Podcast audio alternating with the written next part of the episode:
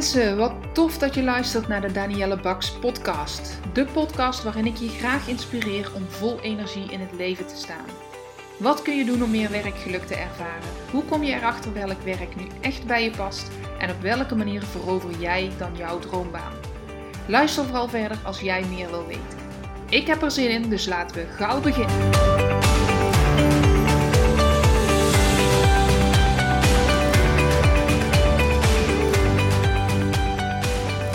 Er is een groep mensen die zeggen: Oh, ik weet mijn talenten, ik ken mijn talenten, ik ken mijn vaardigheden. En er is een groep mensen en die staat open om daar uh, meer over te leren. Die heeft het gevoel, maar ik weet niet of ik het allemaal zo goed weet. Ik weet niet of ik precies weet wat mijn talenten zijn. En bij welke groep je ook hoort, dit is interessant voor jou. Vooral als je bij de groep hoort die zegt: Ik ken mijn talenten wel.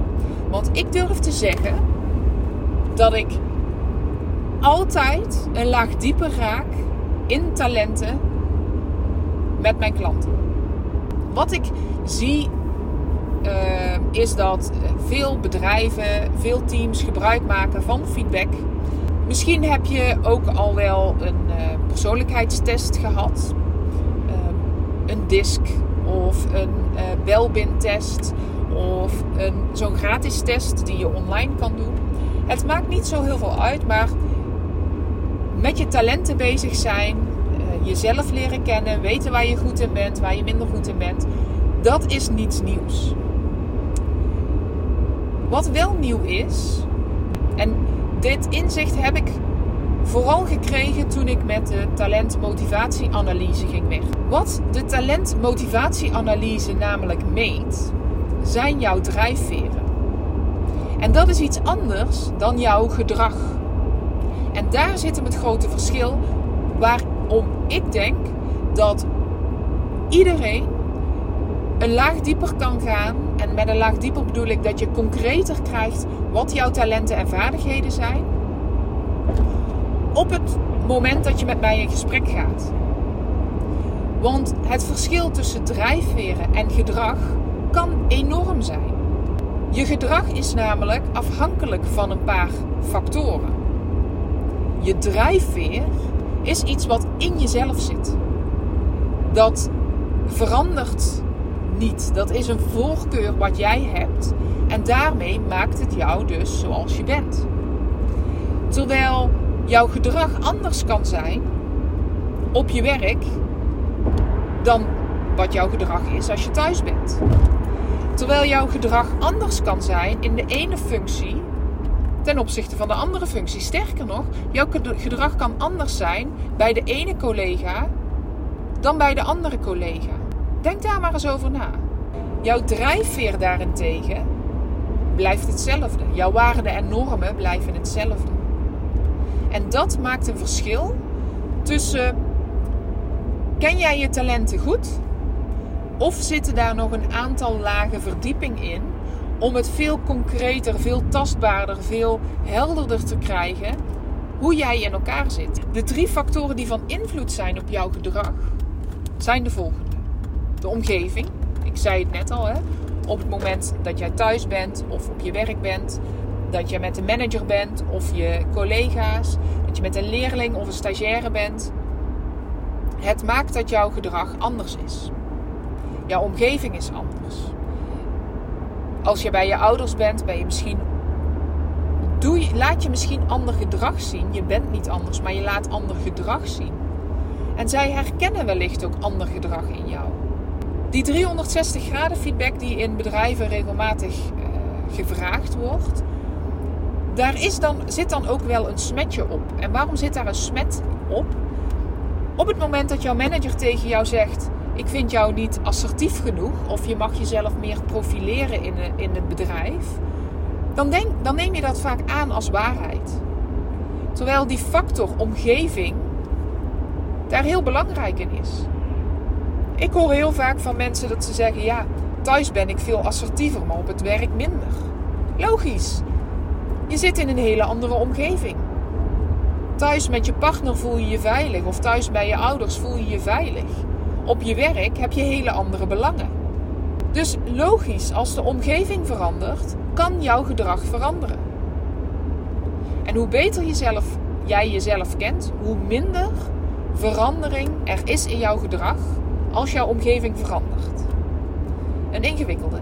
Hoe beter jij jezelf kent, hoe minder verandering in jouw gedrag te zien is op het moment dat jouw omgeving verandert. Want dan ken je jezelf beter en dan ben je trouwer aan jezelf. En dan heb je ook meer scheid aan wat anderen van jou vinden. Want dat is de reden waarom je in jouw uh, in verschillende omgevingen verschillend gedrag kan laten zien. Omdat je ook benieuwd bent, goh, hoe kijken anderen nu naar mij? Als het een beetje vaag wordt, uh, stuur me je vragen, laat het me weten. Ik ga even door naar die tweede factor. Want we hadden drie factoren waarom jouw gedrag kan veranderen.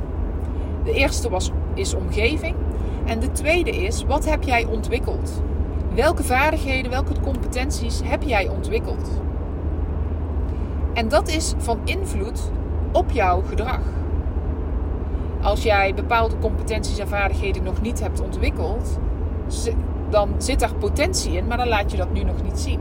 Als jij in een omgeving bent geweest waardoor je bepaalde uh, vaardigheden en competenties heel veel hebt ontwikkeld, heeft dat, is dat van invloed op jouw gedrag. Maar dat wil niet zeggen dat je dan gedrag laat zien wat past bij jouw drijfveren.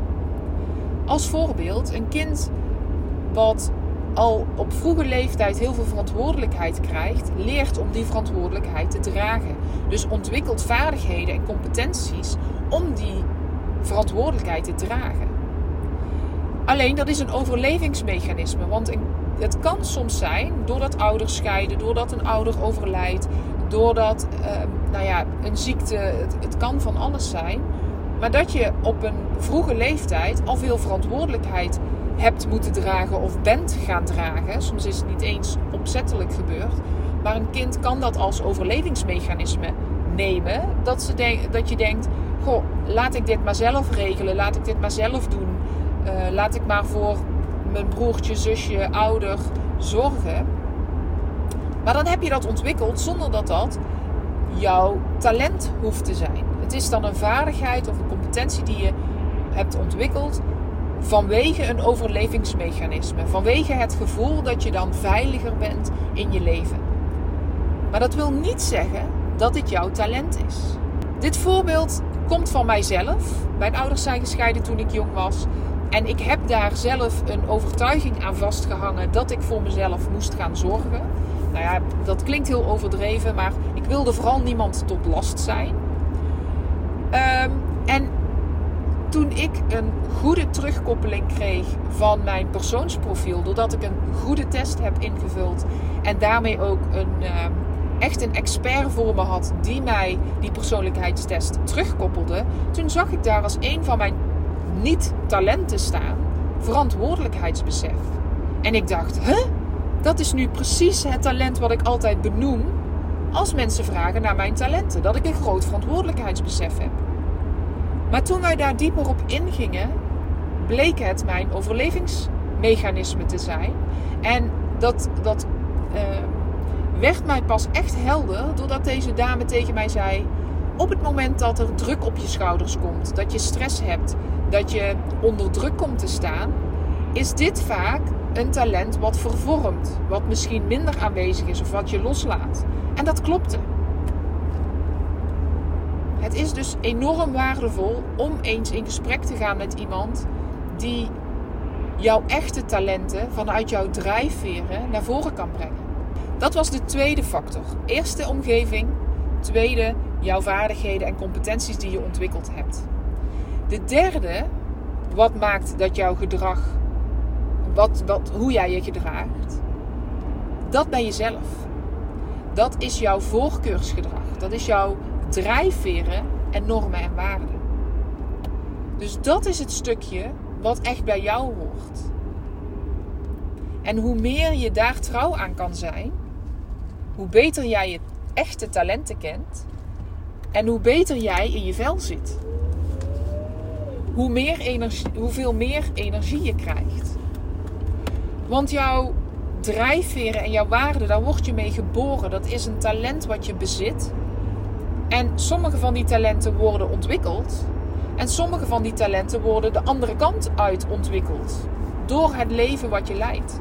Dat voorkeursgedrag, dus die derde uh, factor, wat maakt dat je gedrag laat zien wat je laat zien. Dat maakt, zorgt er ook voor dat je soms je meer jezelf voelt en soms minder. Maar op dit stuk, jouw drijfveren, jouw talenten, jouw voorkeursgedrag, daar zitten jouw echte talenten. En de thema, ik had het er net over in het begin, de talentmotivatieanalyse, die richt zich met de 312 vragen die je invult op jouw voorkeursgedrag. Dus het is niet wat je je hele leven gehoord hebt. Van, oh, dit kan jij heel goed. Oh, wat neem jij goed verantwoordelijkheid. Of uh, dit zou ik je meer wensen. Dit is een valkuil van je. Dat is niet altijd de waarheid. Dat kan beïnvloed worden door jouw omgeving en door de vaardigheden en competenties die jij ontwikkeld hebt. Maar het wil niet zeggen dat dat ook jouw daadwerkelijke talenten zijn. Zoals ik dacht dat ik heel verantwoordelijk was en altijd maar mijn verantwoordelijkheid nam en dat dat dat deed ik ook. Dat was ook echt mijn gedrag. Dat was waarneembaar door de mensen om me heen. Maar het duurde tot aan de persoonlijkheidstest die ik nam en de terugkoppeling met, een, met echt een expert, dat ik ben gaan inzien, ja, dat kan ik goed. Maar dat kan ik ook inzetten dat het me heel veel energie kost. Het is niet van nature een talent van mij. Want van nature zit mijn talent er juist in dat ik, als ik mij in de goede omgeving zit en als ik mij goed voel en veilig voel, dat ik juist ook kan zeggen: Goh, deze verantwoordelijkheid die geef ik even aan iemand anders, of die leg ik terug, of daar pas ik voor. Ik ben juist iemand die heel erg kijkt naar wie zijn verantwoordelijkheid is dit. Maar dat ben ik pas gaan leren.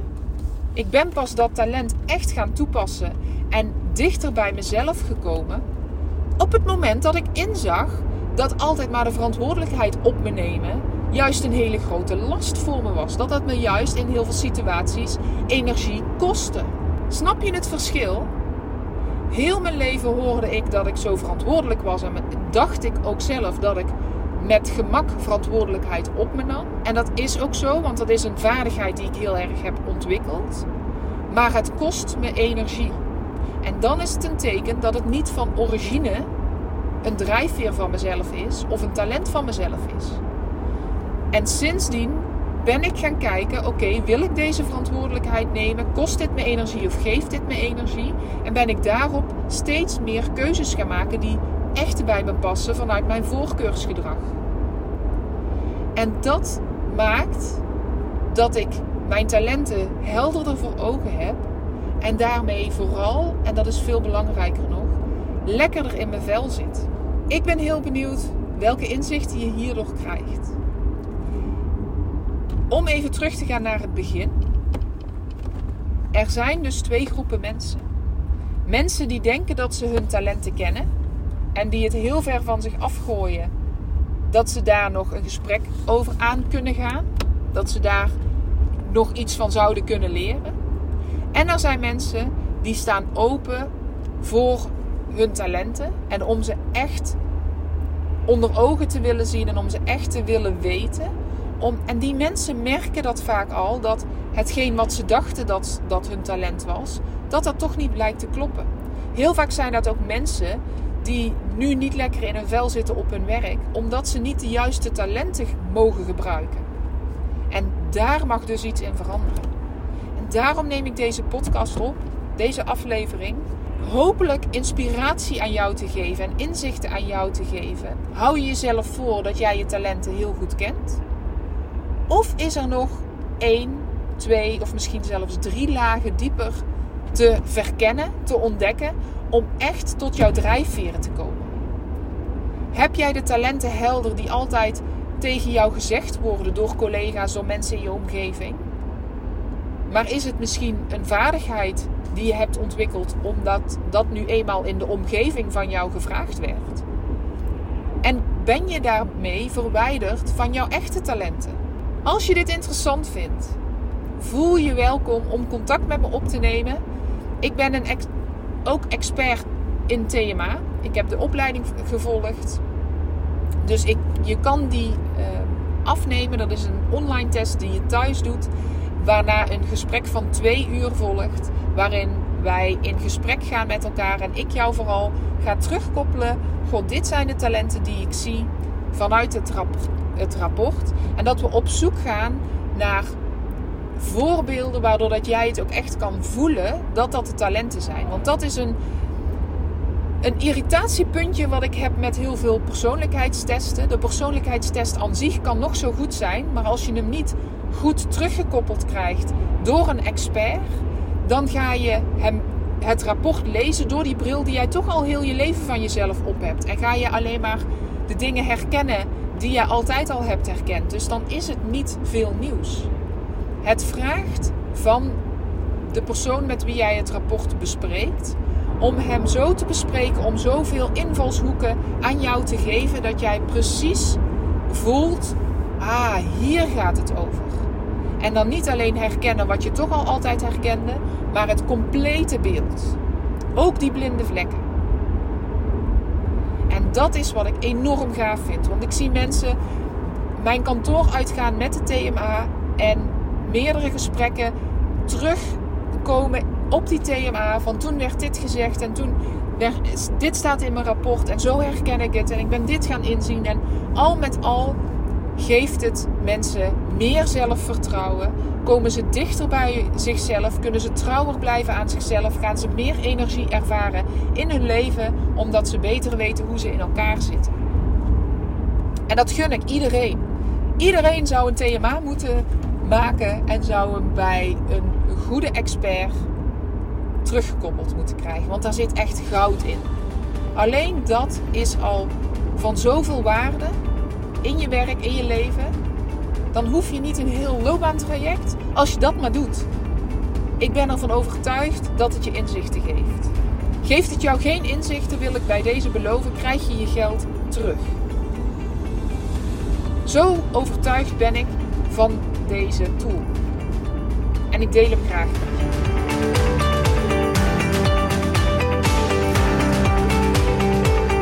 Mensen, dankjewel voor het luisteren naar mijn podcast. Mocht je deze aflevering interessant hebben gevonden, maak dan even een screenshot en tag me op Instagram Stories. Ik vind het ontzettend leuk om te zien wie er luistert en door te delen inspireer jij ook anderen.